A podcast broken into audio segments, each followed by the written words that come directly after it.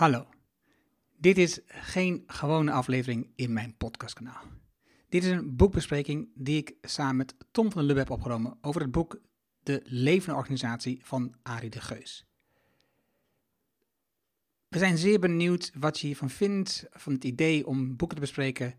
Stuur ons een e-mail op podcast.ernohanning.nl om te laten weten of we het vaker moeten doen of juist niet. En het is opgenomen in de coronatijd, dus um, we werken vanuit huis. Je hoort spelende kinderen op de achtergrond. Laten we beginnen. Veel plezier met het luisteren. We zitten uh, voor het eerst bij elkaar met een idee wat we hadden voor een, een podcast over managementboeken. Uh, ik zit samen met Tom. Tom van Lubbe. Zeg dat, Tom. Hallo.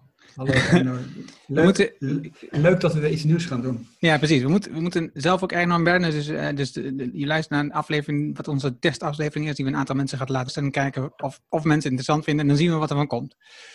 In ieder geval, wat hebben we gedaan? Tom had um, een zeer interessant boek gekozen nu dit keer um, om raad en we kiezen bewust niet specifiek voor nieuwe boeken of zo die nu in de top 100 of wat dan ook staan. We hebben gewoon, we kiezen boeken die op dit moment zeer interessant zijn. En we hebben, uh, Tom heeft gekozen voor een boek wat al, al een paar jaar oud is. Um, The Living Organization van Arie de Geus.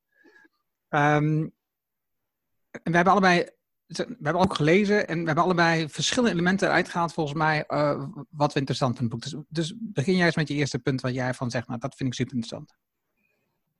Nou ja, wat ik interessant vind is, um, uh, ik zou zeggen, als je even een Darwinistische principe neemt, hè, dan komen we naar de hand wel naar andere harde et cetera, dan is uiteindelijk de vaardigheid waarmee je aan je omgeving kunt aanpassen, en dat is natuurlijk wat we uit de biologie en zo kennen, van organismen. En dat vind ik eigenlijk het meest interessante, want dat komt bij thema agile, komt dat natuurlijk ook terug, maar het komt bij thema zelforganisatie ook terug. Dus in een, in een, in een systeem van de natuur zou je zeggen, de buitenste cellen, die hebben, die hebben ik zou maar zeggen, de informatieuitwisseling met, met de buitenwereld, in netwerken bijvoorbeeld ook. En dat creëert, dat creëert meer stabiliteit. En het, het dan living company bijvoorbeeld te noemen, dus juist die... Uh, ja, ik zou maar zeggen, te doen dat een organisme of een multinational, want het heeft natuurlijk vooral over hele grote bedrijven, dat het levende organismen zijn, dat vind ik een waanzinnig interessant idee. En dat is natuurlijk iets wat bij Lalou na de hand ook weer terugkomt, Frederik Lalou, bij Reventing Organizations, waar ook grote complexe systemen aan het uitgangspunt genomen worden en vooral de natuur ook altijd een voorbeeld is. Ja, ja, ik, ik, en ik vind het ook het beeld zeg maar, van de levende organisatie, dat het de organisatie een organisme is, en zij hebben daar onderzoek naar gedaan uh, vanuit Shell. Um, en ze hebben een aantal een bedrijven onderzocht die al flink wat ouder zijn en ook een beetje in het formaat zijn als Shell. Um, en daar hebben ze naar de eigenschappen wat die, wat die bedrijven succesvol maken, waarom ze zo lang zijn, uh, hebben geleefd. En om, dat te koppelen aan die levende organisatie, het mooie is dus dat dus een organisme heeft als, als missie, als doel om te overleven. Het is ook als mens Um, en dat zie je nu ook in de coronatijd, dus COVID-19. We zien dat we uh, er alles aan doen om zo lang mogelijk te willen leven. Hè? Dus zeker hoe dichter bij het einde komt, hoe, hoe sterker die drang wordt. En dat, zie je, en dat zie je bij een levende organisatie dan ook, die dus de link legt. Als het een levende organisatie is, dan is het niet dat je een maximale aanhoudswaarde probeert te realiseren. Nee, je probeert ervoor te zorgen dat het bedrijf zo lang mogelijk blijft aan. Want dan heeft het namelijk een waarde voor de omgeving, een waarde voor de werknemers, een waarde voor de aandeelhouders, een waarde voor iedereen. In plaats van alleen voor het topsegment. Ja, wat ik ook interessant vind is als starter, is wat hij in zijn voorwoord al, uh, Pieter Senge doet in het voorwoord, en die zegt in principe de, de oude uh, Chinese karakters van business, uh, dat is niet alleen maar leven, maar het tweede gedeelte is ook meaning. En dat, dat vind ik, ik vind dat taal, taal is wat dat betreft natuurlijk altijd fantastisch, interessant omdat als je natuurlijk teruggaat in dat soort dingen, dat zie je bijvoorbeeld bij, bij beroep. Het beroep komt van roeping. En dus daar heb je ook, daar heb je ook weer dat meaning heb je erin. En dan hebben we natuurlijk weer, komen we met nieuwe begrippen zoals purpose. Terwijl je hoeft helemaal niet zo ver te gaan. Je kunt gewoon zeggen beroep, roeping. Roeping is iets dat we uit de Bijbel kennen, maar roeping is ook iets wat, hè, dat is mijn roeping. Dat begrijpt iedereen onmiddellijk. Uh, dus ja, ik vind het, het heeft iets van, misschien past het ook wel een beetje bij Pasen. Maar daar heb je met passie bijvoorbeeld. Passie is lijden. dat is het uh, lijden van Christus. Maar we zeggen van ja, passion. Are you passion driven? Maar passie is bijvoorbeeld ook lijden. Dat is niet happiness in de oppervlakkige zin van het woord. Dus ik vind dit soort dingen altijd dat taal als uitgangspunt ook te nemen en daarin te duiken en te zeggen, ja, wat betekent dat eigenlijk überhaupt? Uh, dat vind ik elke keer weer opnieuw fascinerend. Ja, is, mooi dat je dat zo brengt. Dat is super grappig. Ik realiseer me dus nu, wat je, als je het zo uitlegt, dat eigenlijk waar dus nu bedrijven op starten die zeggen, wij, gaan voor purpose, weet je, wij gaan voor impact, dat het, dat het eigenlijk gewoon oude wijn en nieuwe zak is. Weet je, het is gewoon, het, het, het is er al lang. Ja, ik zou, ik zou zelfs nog verder willen gaan. Ik zou zeggen dat als je even uitgaat van het woord beroep en even bij dat woord roeping blijft staan, dan land je uiteindelijk wel ook heel snel bij, hè, bij bullshit jobs. Dat betekent dat beroepen die niet een bepaalde inhoudelijke context hebben, of een inhoudelijke waarde hebben voor de samenleving, eigenlijk geen, die zou je eigenlijk het woord beroep niet mogen geven. Want daar zit helemaal niks in van beroeping. Nou, en als je bijvoorbeeld even naar Lubach kijkt van de afgelopen eh, twee weken, met die uitzendingen over flow traders, daar, daar komt exact dat thema dan weer in een moderne vorm terug.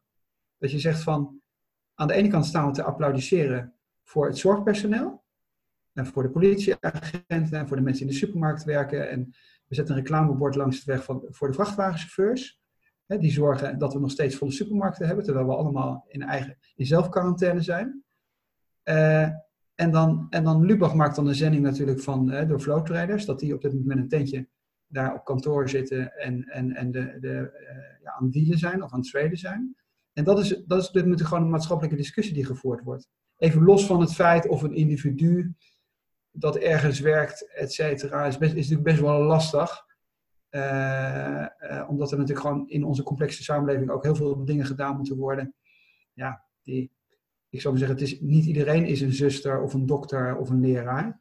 dus het is, er is natuurlijk ook heel veel grijs. Maar je ziet in ieder geval dat de discussie op dit moment gevoerd wordt. En die wordt natuurlijk ten tijde van crisis eerder gevoerd dan op het moment dat het, dat, ik zou zeggen, business as usual is en er helemaal geen veldje aan de lucht is. Nu, nu komen die discussies in één keer naar boven. En dat is natuurlijk wel, wat dat betreft, ook een hele interessante tijd. Ja, ja het is beslist een leerzame tijd. En, het grap, en, dat, en in het boek zie je het dus ook, in het verhaal van Harry Gus, zie terugkomen. Het is omdat hij dus oude bedrijven onderzocht heeft. En hij heeft het eh, ook in het begin over een uh, centennial uh, groep waar je lid van kunt worden als je bedrijf ouder 300 jaar is. En dus waar het daarin gaat is dus dat, die, dat je als, als lerend organisme, als levende organisatie, um, je aanpast om dat kan dus ook zijn dat je in een tijd van crisis zoals nu, um, je, je, je kernproduct verandert. Omdat het nou eenmaal van toepassing is voor de tijd van nu. En dat je dan wel kunt overleven. Dus, het, dus ik ben zelf um, enorm uh, gelover um, en heb er ook heel veel op gepusht, zeg maar. Maar het boek begint er een beetje aan te twijfelen over focus. En niet vanuit aandeelhouderswaarde, maar wel vanuit mijn eigen focus. Dat je weet waar ik mijn tijd in stop en dat in drie verschillende dingen kan, maar beter in één ding kan.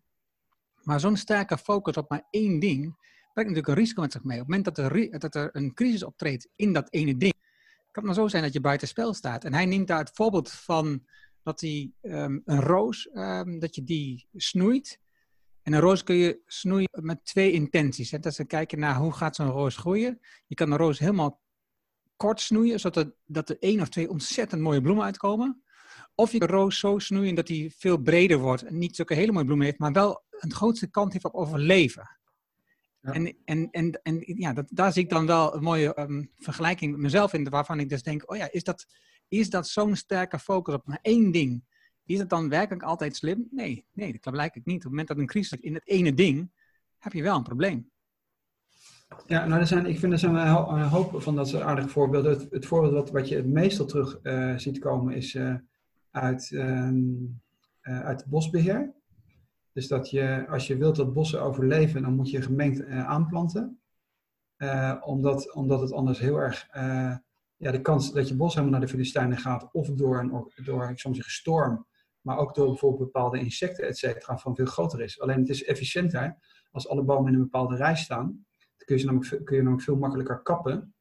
ja, en dan krijg je op een gegeven moment krijg je gewoon een rekening. En iedereen uit de bosbouw, omdat het al zo'n een van de oudste, ik zal maar zeggen, uh, businesses, zou je bijna willen zeggen, is, is dat het voorbeeld van, van, van bosbeheer. Wat heel vaak bijvoorbeeld terugkomt. Nou, dat is, en dat begrijpt ook iedereen relatief snel.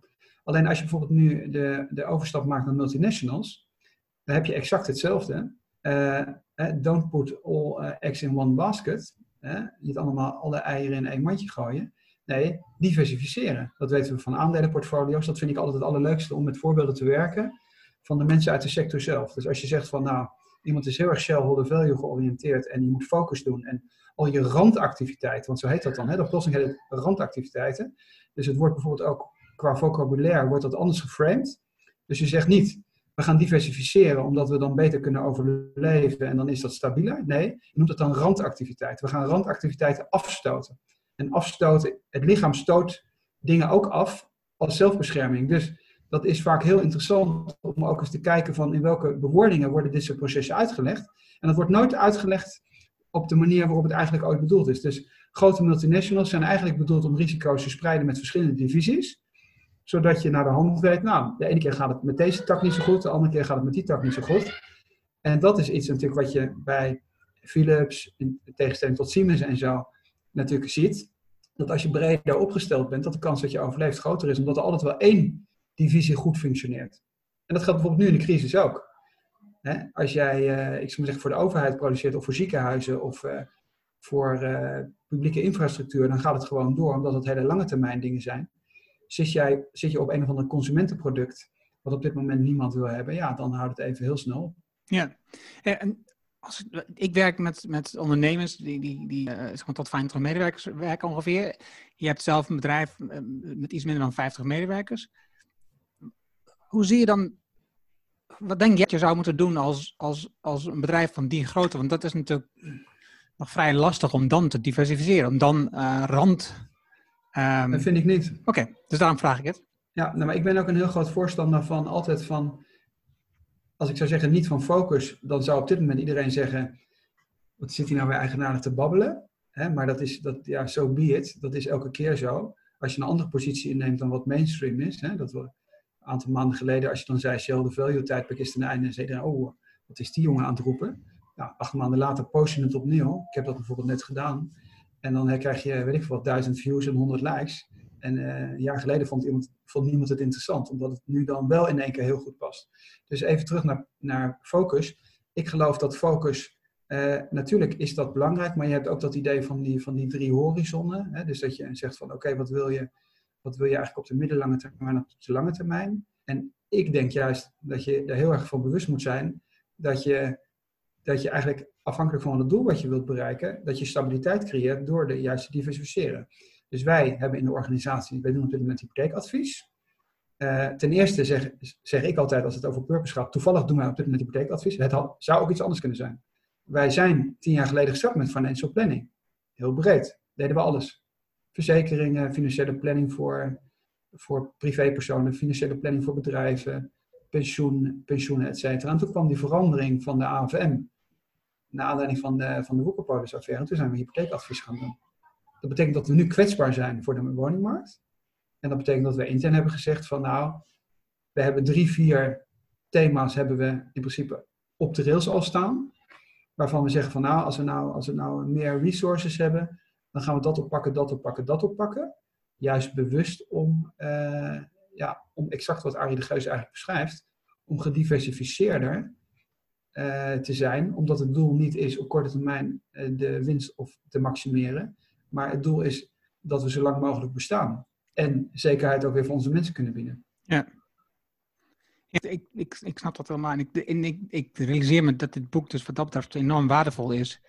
Um, nu, maar eh, altijd. Om, als, als, als, als het goed is, als ondernemer een, een bedrijf wilt opbouwen, een organisatie opbouwen, wat zo lang mogelijk bestaat, omdat het dan voor iedereen uh, waarde leeft. En, um, en het, ik, ik vind ook het mooie, dus dat je dus, wat hij dan noemt, het aanpassend vermogen voor, van, aan de omgeving. En dus eh, hij beschrijft leren als het, het feit dat je je gaat aanpassen. Het is, je leert iets en dat doe je doordat je gaat aanpassen.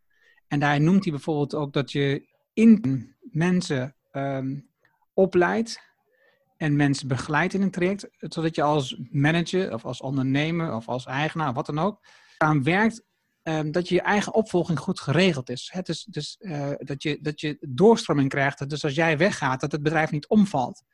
En, en daar heeft hij beschrijving voor met analogie met uh, een plas met water, waar dus druppels in komen als het regent.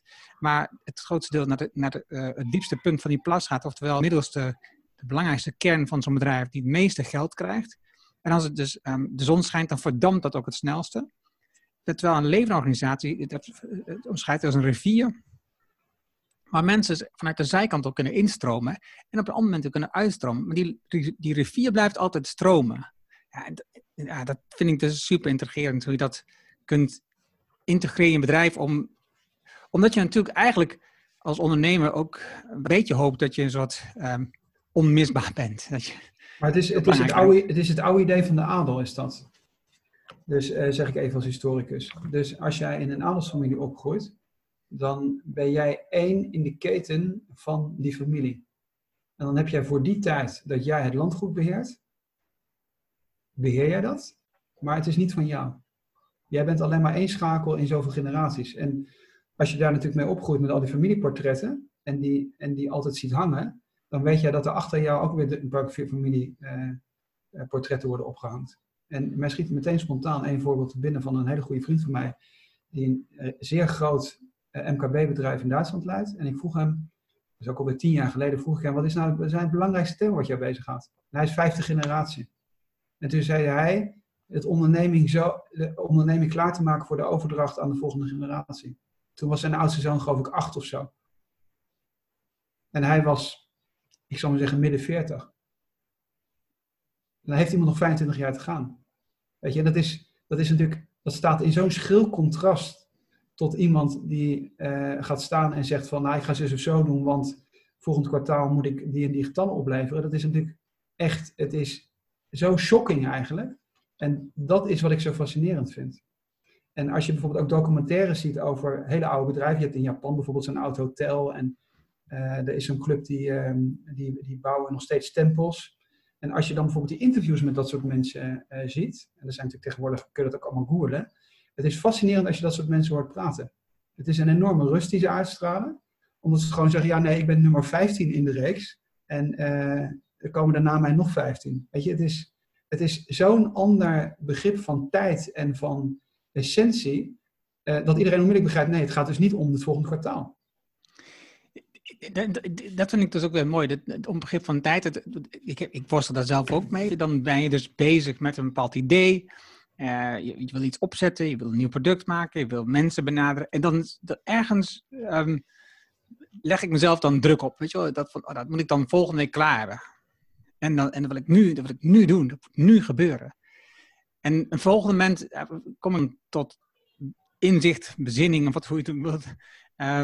En realiseer me, wacht, maar wacht even, ik heb nog tijd zat. Ik heb nog, um, zelf nog waarschijnlijk 30 jaar gaan. En, en nu ga ik me meer bezig met hoe, hoe kan ik het bedrijf overdragen aan anderen, dat het bedrijf ook voortleeft uh, na mij. Ja. Dus, dus ik ga nadenken over een bedrijfsnaam die los staat, zodat, zodat het bedrijf voort kan gaan en niet ja. gebonden is aan mij. Dus het zijn dingen waar ik me nooit mee bezig ben. Goed, ik ben tussen 51, misschien helpt dat ook een beetje.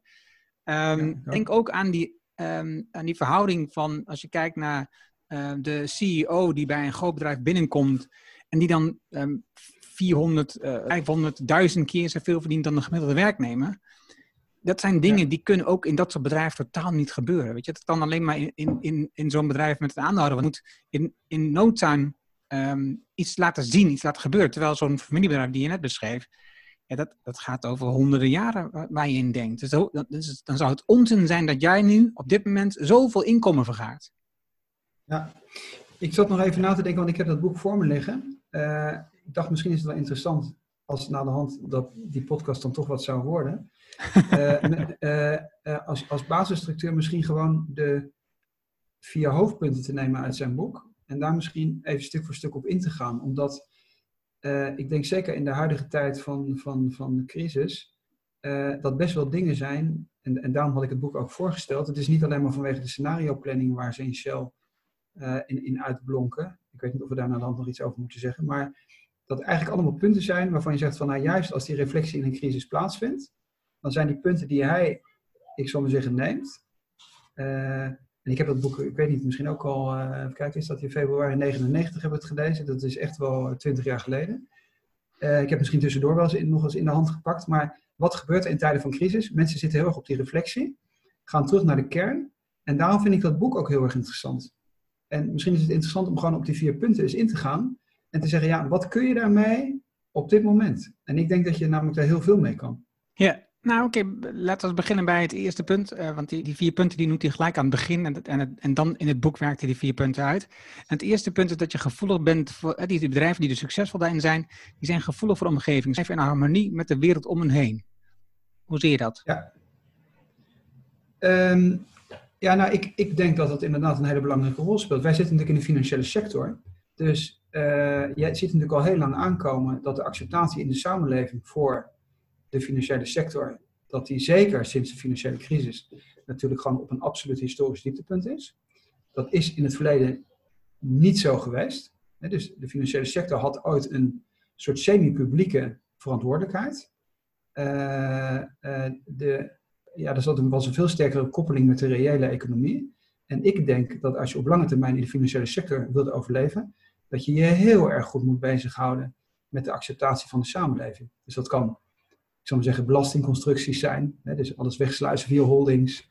Uh, dat kan uh, impact investing zijn. Dus je ziet het soms in positieve vorm. Wij gaan nu groen beleggen, uh, et cetera. Maar dat gaat allemaal veel dieper. Dus ik denk dat je, als je in de financiële sector zit, en ik neem het gewoon even als één voorbeeld. Maar je kunt naar de hand ook, ik zou maar zeggen, levensmiddelen nemen. En dan kom je bij Unilever en zo uit. ik denk dat je heel erg goed afstand moet nemen van je eigen bedrijf en moet zeggen van hoe hoog is eigenlijk de acceptatie van ons bedrijf. Maar je hebt het ook weer net gezien met Roche, hè? met, uh, met uh, test... Medicijnen, ja. Medicijnen. Dus terwijl Roche nou juist eigenlijk qua DNA, voor een groot gedeelte is dat een, is dat een familie die daarachter zit, de familie Hofman. Dus eigenlijk is het heel gek dat dat nou juist Roche, met Roche is gebeurd. maar je ziet dus, als je daar van tevoren op reflecteert, dat je op een hele andere manier in de wedstrijd zit. Dus ik, ik denk dat je daar heel erg op moet letten. Maar wat is natuurlijk het grote probleem? Als je alleen maar met het maximeren van je aandeelhouderswaarde bezig bent en je hebt een monocultuur, waar mensen alleen maar allemaal een MBA hebben gedaan en, en, en, en voor de rest helemaal niet met een andere bril naar, naar je, ik zou maar zeggen, raison d'être, naar je bestaansrecht aan het kijken bent. En iedereen zit elkaar maar na te, na te praten ja, dan gaat dat kritische vermogen dus volledig verloren. Ja, ja. Oké, het tweede punt is uh, cohesief. Um, ik wist niet zo goed, nee, cohesief, met sterk gevoel voor identiteit. Samenhang. Samenhang. Iedereen heeft het bij deze entiteit te horen en, en, en, dan komt het woord community komt dan naar voren. Dus, dus wat, wat, wat bij Shell natuurlijk enorm een rol speelt, je allemaal verschillende bedrijven hebt over de wereld, um, vestigingen die in hun eigen omgeving werkzaam zijn. Hij noemde bijvoorbeeld dat hij in Brazilië zat, noemde bijvoorbeeld dat hij in Zuid-Afrika zat in de tijd dat de apartheid een rol speelde. Um, en dan ga je nadenken als Shell totaal, hoe je daarin staat, maar als um, leider van zo'n vestiging, omdat je dus um, ook daar een rol in speelt. Je hebt ook een rol als vestiging in die maatschappij. Er zijn ook weer mensen van jou in die maatschappij afhankelijk van jou. En als je dus je eenvoudig terugtrekt, Um, dat, is, dat is veel te makkelijk. Dat is veel te, veel, te, veel te centraal georganiseerd. Je moet ook kijken, hoe zit dat nou lokaal? En wat is het van, van zulke dingen op, de, op die lokale maatschappij?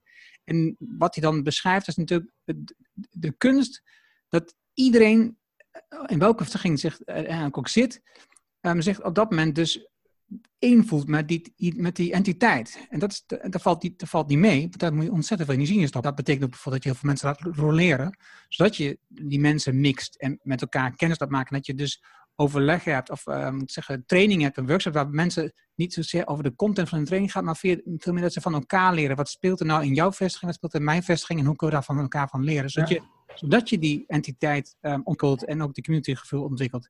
Dus ik vond, dat, ik vond dat dus ook een bijzonder verhaal. Um, en en ik, vanuit mezelf denk ik, ja, bij een klein bedrijf is dit, is dit vrij makkelijk te doen. Heb je een klein onderneming, een paar werknemers, dan kun je dat vrij makkelijk doen. Jullie hebben nu 50 mensen. Um, dat is allemaal behapbaar. Als dat groter wordt, wordt dat natuurlijk een stuk langer. Maar je kunt het dus, eh, laat je zien, je kunt het dus organiseren. Ja, maar het is ook, het is ook, dat is ook wel veranderd hoor. Dus als je bijvoorbeeld Arie de Gruis hoort, zijn vader werkte bij Shell. Zijn hele leven, hij werkte bij Shell, daar heeft hij het heel vaak over. En wij hebben bijvoorbeeld het principe in de organisatie dat heet homegrown. Dus je hebt people first, dat is hè, volgorde van stakeholders, daar komen de mensen op de eerste plek. Wat ik altijd interessant vind is dat als het erom gaat, ja, wat onderscheid je uiteindelijk als bedrijf, zegt iedereen heel snel, ja, nee, dat zijn de mensen. Alleen als je dan zegt, ja, maar oké, dan hoe ziet het in de raad van bestuur dan uit? Dan is waarschijnlijk HR bij de CEO. Nee, dat is dus niet zo. Dus dat is dan precies het tegenovergestelde. Dus je ziet ook dat het gewoon, die hele reflectie, klopt dat eigenlijk wat we, wat, wat we zeggen? Of, of zit daar gewoon een enorme tegenspraak in? Uh, dat is iets waarvan ik denk van, nou, uh, ik weet niet of, ik weet niet of mensen zich dat altijd bewust zijn dat het, dat het gewoon niet klopt. Shell en wat dat betreft de grote oude multinationals in Nederland hadden natuurlijk allemaal dat. Dus je werkte je hele leven voor Philips in Eindhoven en je vader werkte al voor Philips. Iedereen was er hartstikke trots op. Maar het was ook zo dat Philips een enorm commitment had naar Eindhoven toe, naar de samenleving. En eh, van voetballen tot de woningbouw en de supermarkten en weet ik veel wat. Dat is allemaal Philips. Uh, en het was een soort long life uh, of long, ja, long lifetime employment. en wij hebben bijvoorbeeld ook die homegrown cultuur. Dus de helft van de organisatie, 20 adviseurs, hebben allemaal intern opgeleid. En je komt heel veel start-up en scale-ups bezig. Zeg je, nee, maar voor de volgende fase hebben we ander C-level hebben we nodig. En dan stromen er allemaal andere mensen in. Nou, dat hebben we dus helemaal niet. Er stroomt helemaal niemand in die we ergens dan boven gaan zetten. En dat is in principe, vind ik, ook een, een criterium vaak voor hele goede bedrijven. Dat ze, dat ze in staat zijn um, uh, als er bijvoorbeeld, uh, ik zou zeggen, een nieuwe CEO of nieuwe boardmembers nodig zijn, dat ze die gewoon intern kunnen recruteren. Ja. Want uiteindelijk is het natuurlijk een soort, toch een soort brevet van onvermogen. Als jij een onderneming hebt van 40 of 100.000 mensen en dan moet je de CEO van buiten aantrekken. Ja. Dat is natuurlijk ook ontzettend, eigenlijk in tegenspraak is dat. Ja. Of, en het enige voorbeeld dat altijd wordt genoemd is dan uh, IBM, wat, wat toen bijna failliet ging. En waar ze Gerstenaar uh, dan gehaald hebben. Ik geloof dat hij van McKinsey kwam. Alleen veel meer voorbeelden hoor je dan eigenlijk niet. Uh, en dan heb je omgekeerd bedrijven waar men eigenlijk als mensen wegvallen zonder enig probleem gewoon uit die laagtal onder x goede mensen naar boven kan halen zonder enig probleem. Ja, ja. Oké, derde punt is uh, tolerant zijn. Um, en dat je, betekent ook dat je, dat je minder controle hebt vanuit de centrale omgeving. En dus um, dat je activiteit in een marge toestaat. Je accepteert dat dingen niet direct succesvol zijn. Volgens mij hebben we het daar uitgebreid over gehad net. Of wil je nog iets aparts over zeggen? Nou, wat ik interessant vond is het voorbeeld wat hij ook noemt van Unilever. Dat Unilever zelf het beeld heeft van een hele grote vloot van kleine scheepjes. Uh, wat ten eerste natuurlijk wel heel goed aan, aansluit bij uh, de Nederlandse traditie. Hè, ook van de van de handel, maar ook van, de, ook, ook, van de VOC, maar ook bij oorlog heb je dat ook. Ja. En je hebt, je hebt het bij, de leger, bij het leger ook. Hè? Je hebt veel kleine mobiele eenheden die zichzelf in het veld kunnen aanpassen. En, en ja, ik vind, dat nog steeds, ik vind dat nog steeds interessant. Dus waarom zou je niet ook een, een overkoepelende identiteit kunnen hebben? Dat heb je bij Nestle bijvoorbeeld. Heb je ook een overkoepelende entiteit. Bij Unilever heb je het ook. Dus bij de fast moving consumer goods accepteren mensen het wel. Dat je verschillende takken hebt die allemaal een bestaansrecht hebben. En dan heeft ijs misschien een andere marge dan, uh, ik zeg maar wat, boter. Of, uh, uh, of thee. Ja, maar, maar, maar uiteindelijk, en dan kun je zeggen, ja, wat heeft, wat heeft boter met, met koffie te maken? En wat heeft koffie met ijsjes te maken, et cetera. maar ik denk dat dat ook wel weer de, de, de kern is, omdat je dan decentraal makkelijker een identiteit hebt. En mensen ook meer het gevoel geeft dat ze met hun eigen bedrijfje bezig zijn tussen aanhalingstekens. Dus waarom, waarom, waarom zou je dat niet toelaten? En waarom zou je dan bij andere organisaties dan zeggen van nee, focus, focus, focus. En als we focus hebben op ijs, dan doen we alleen maar ijs. Ja. Oké, het laatste punt, en dan ronden we ook af. Um, ik, en die vond ik dus ook interessant. Dat je, dat je als ondernemer, uh, als, als, als, als levenorganisatie, consultief bent in de financiering. Dat je bent bewust met geld. En de aandeelhouder voor de of sorry, de aandacht voor de aandeelhouder lijkt een negatief effect te hebben voor de duurzaamheid van het bedrijf. Dus als je veel aandacht hebt voor hoeveel de aandeelhouders gaan verdienen, des te korter leeft het bedrijf. En, en dus als jij een bedrijf opstart, uh, zoals je veel start-ups ziet doen, die um, geënt zijn om geld op te halen vanuit financiers, dan, dan ben je al heel erg snel bezig met uh, nadenken over um, acties die je moet doen om de financiers tevreden te stellen. Maar ook ehm, dat je een toestemming moet krijgen als je een bepaalde investering moet doen. En dit soort organisaties die, die op duurzaamheid zijn geënt, die zijn veel meer zuinig en bewust met geld. En proberen zoveel mogelijk zelf te financieren. Dat, um, op moment, en ook dus middelen achter de hand houden. Op het moment dat het dus lastig wordt en dat er een concurrent aankomt. Of dat je een bepaalde nieuwe technologie ontdekt. Dat je op dat moment kunt investeren en niet gelijk afhankelijk bent bij een financier. Moet checken van, mogen we dit doen? Nee, dit, jij bent ondernemer, dat moet je gewoon zelf oppakken. Maar dan moet je dus wel de middelen hebben georganiseerd. Ja, dat klopt. Nou, wat dat betreft is natuurlijk het ook wel weer interessant. En er zijn ook natuurlijk artikelen die daar nu over verschijnen. Dat... Ehm, uh, natuurlijk een hele hoop mensen zeggen van ja, nee, maar als jullie nou zo'n groot voorstander zijn van, het, van, het, van de markteconomie en van het kapitalisme, dan zou je nu ook er tegen moeten zijn dat de overheid de boel redt. Want dan had je maar reserves moeten hebben. En, het, en, en, en die discussie, die, die, die, ik zal zeggen, die wordt dan zeer gepointeerd gevoerd. Mag ik nog wel de dividenden in maart of april uitbetalen en dan aan de hand mijn hand weer bij de overheid ophouden? Dat heb je in bepaalde landen wordt gezegd, als jij die dividenden uitbetaalt, dan hoef je overigens geen aanspraak te maken. Of dan gaan we daar in ieder geval heel kritisch naar kijken. Want het kan niet zijn dat jullie de boel nu uitbetalen. En aan de hand zeggen dat je, dat je geen reserves hebt. Ja. Ik, ik, denk dat het een heel valide, heel valide punt is. Uh, maar we weten net natuurlijk ook dat, dat uh, uh, anticyclisch werken, natuurlijk voor de lange termijn, natuurlijk het meest intelligente is. Dus, en dan kun je nu zeggen, in een crisis gaat het om dat je voldoende liquiditeitsbuffers hebt om dat door te staan. En dan is uiteindelijk is het altijd een relatief spel ook. Hè? Dus er zijn natuurlijk een aantal bedrijven die daar beter voor staan. En die zeggen van, nou, ik ben benieuwd wat er met mijn concurrent gebeurt. Uh, ja, en dan krijg je uiteindelijk, als je dan te agressief bent geweest, en dan ben je weer bij, misschien weer bij het begin van die bosbouw.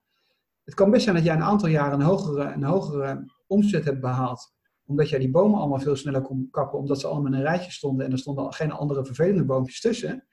Totdat die orkaan of, of, of die boskever, ik heb geen stand van bosbouw hoor, maar dan in één keer er is. En dan, dan, ja, dan is dus over een sluiten. Maar dat weten we van de gewassen bijvoorbeeld ook. Dus als jij gewassen door elkaar aanplant, dan is de kans dat, dat je oogst natuurlijk, dat je nul oogst, geringer. Heb je maar één gewas, ja, dan gaat dat een tijd lang goed. Totdat op het verkeerde moment het regent of iets anders er gebeurt. Ja, en dan, uh, ja, dan heb je dus helemaal nul. Ja. En, dan, en dan is de boer die het, het gewoon wat rustig aan heeft gedaan, uh, ja, die heeft niet een totale uitval. Ja. Dus wat dat betreft zijn het ook, het zijn allemaal thema's die helemaal niet nieuw zijn, die zo oud zijn als de wereldgeschiedenis. En waar we ons denk ik allemaal ook van bewust zijn dat hoe meer je op de korte termijn zit, dat je uiteindelijk de rekening gepresenteerd krijgt. Uh, ja, en daarvan moet je je eigenlijk bewust zijn. En misschien moeten we ook wat dat betreft wat eerlijker zijn dat, dat, dat in de huidige crisis dat op elk niveau eigenlijk geldt. Dus heb je in goede tijden voldoende bedden op de intensive care, die op dat moment leeg zijn, dan heb je in een crisis minder problemen dan wij op dit moment in Nederland hebben.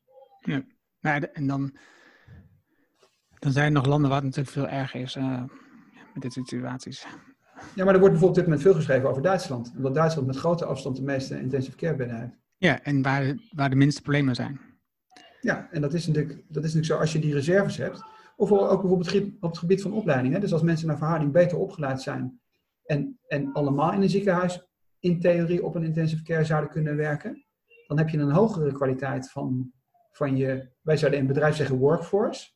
Dus, dus het idee van ja, iemand is overgekwalificeerd, ja, dat is maar heel relatief. Ja, ja. Oké, we sluiten hem af. Uh, we zitten al uh, ruim een half uur eh, over één boek te praten. En, en, en dit is een super interessant boek. Ik denk ook, um, dit is een tip voor elke ondernemer om dit boek nu te lezen. Ja, met een beetje geluk nu iets meer tijd dan, dan normaal. En als je een beetje pech hebt, moet je juist nu hartstikke hard werken. Dan nog uh, The Living Organization, Arie de Geus. Um, dankjewel, Tom. Ja, dankjewel, Erna. En um, nou, we gaan zien of we hier nog meer aflevering van gaan maken. En in welk tempo we dit gaan realiseren.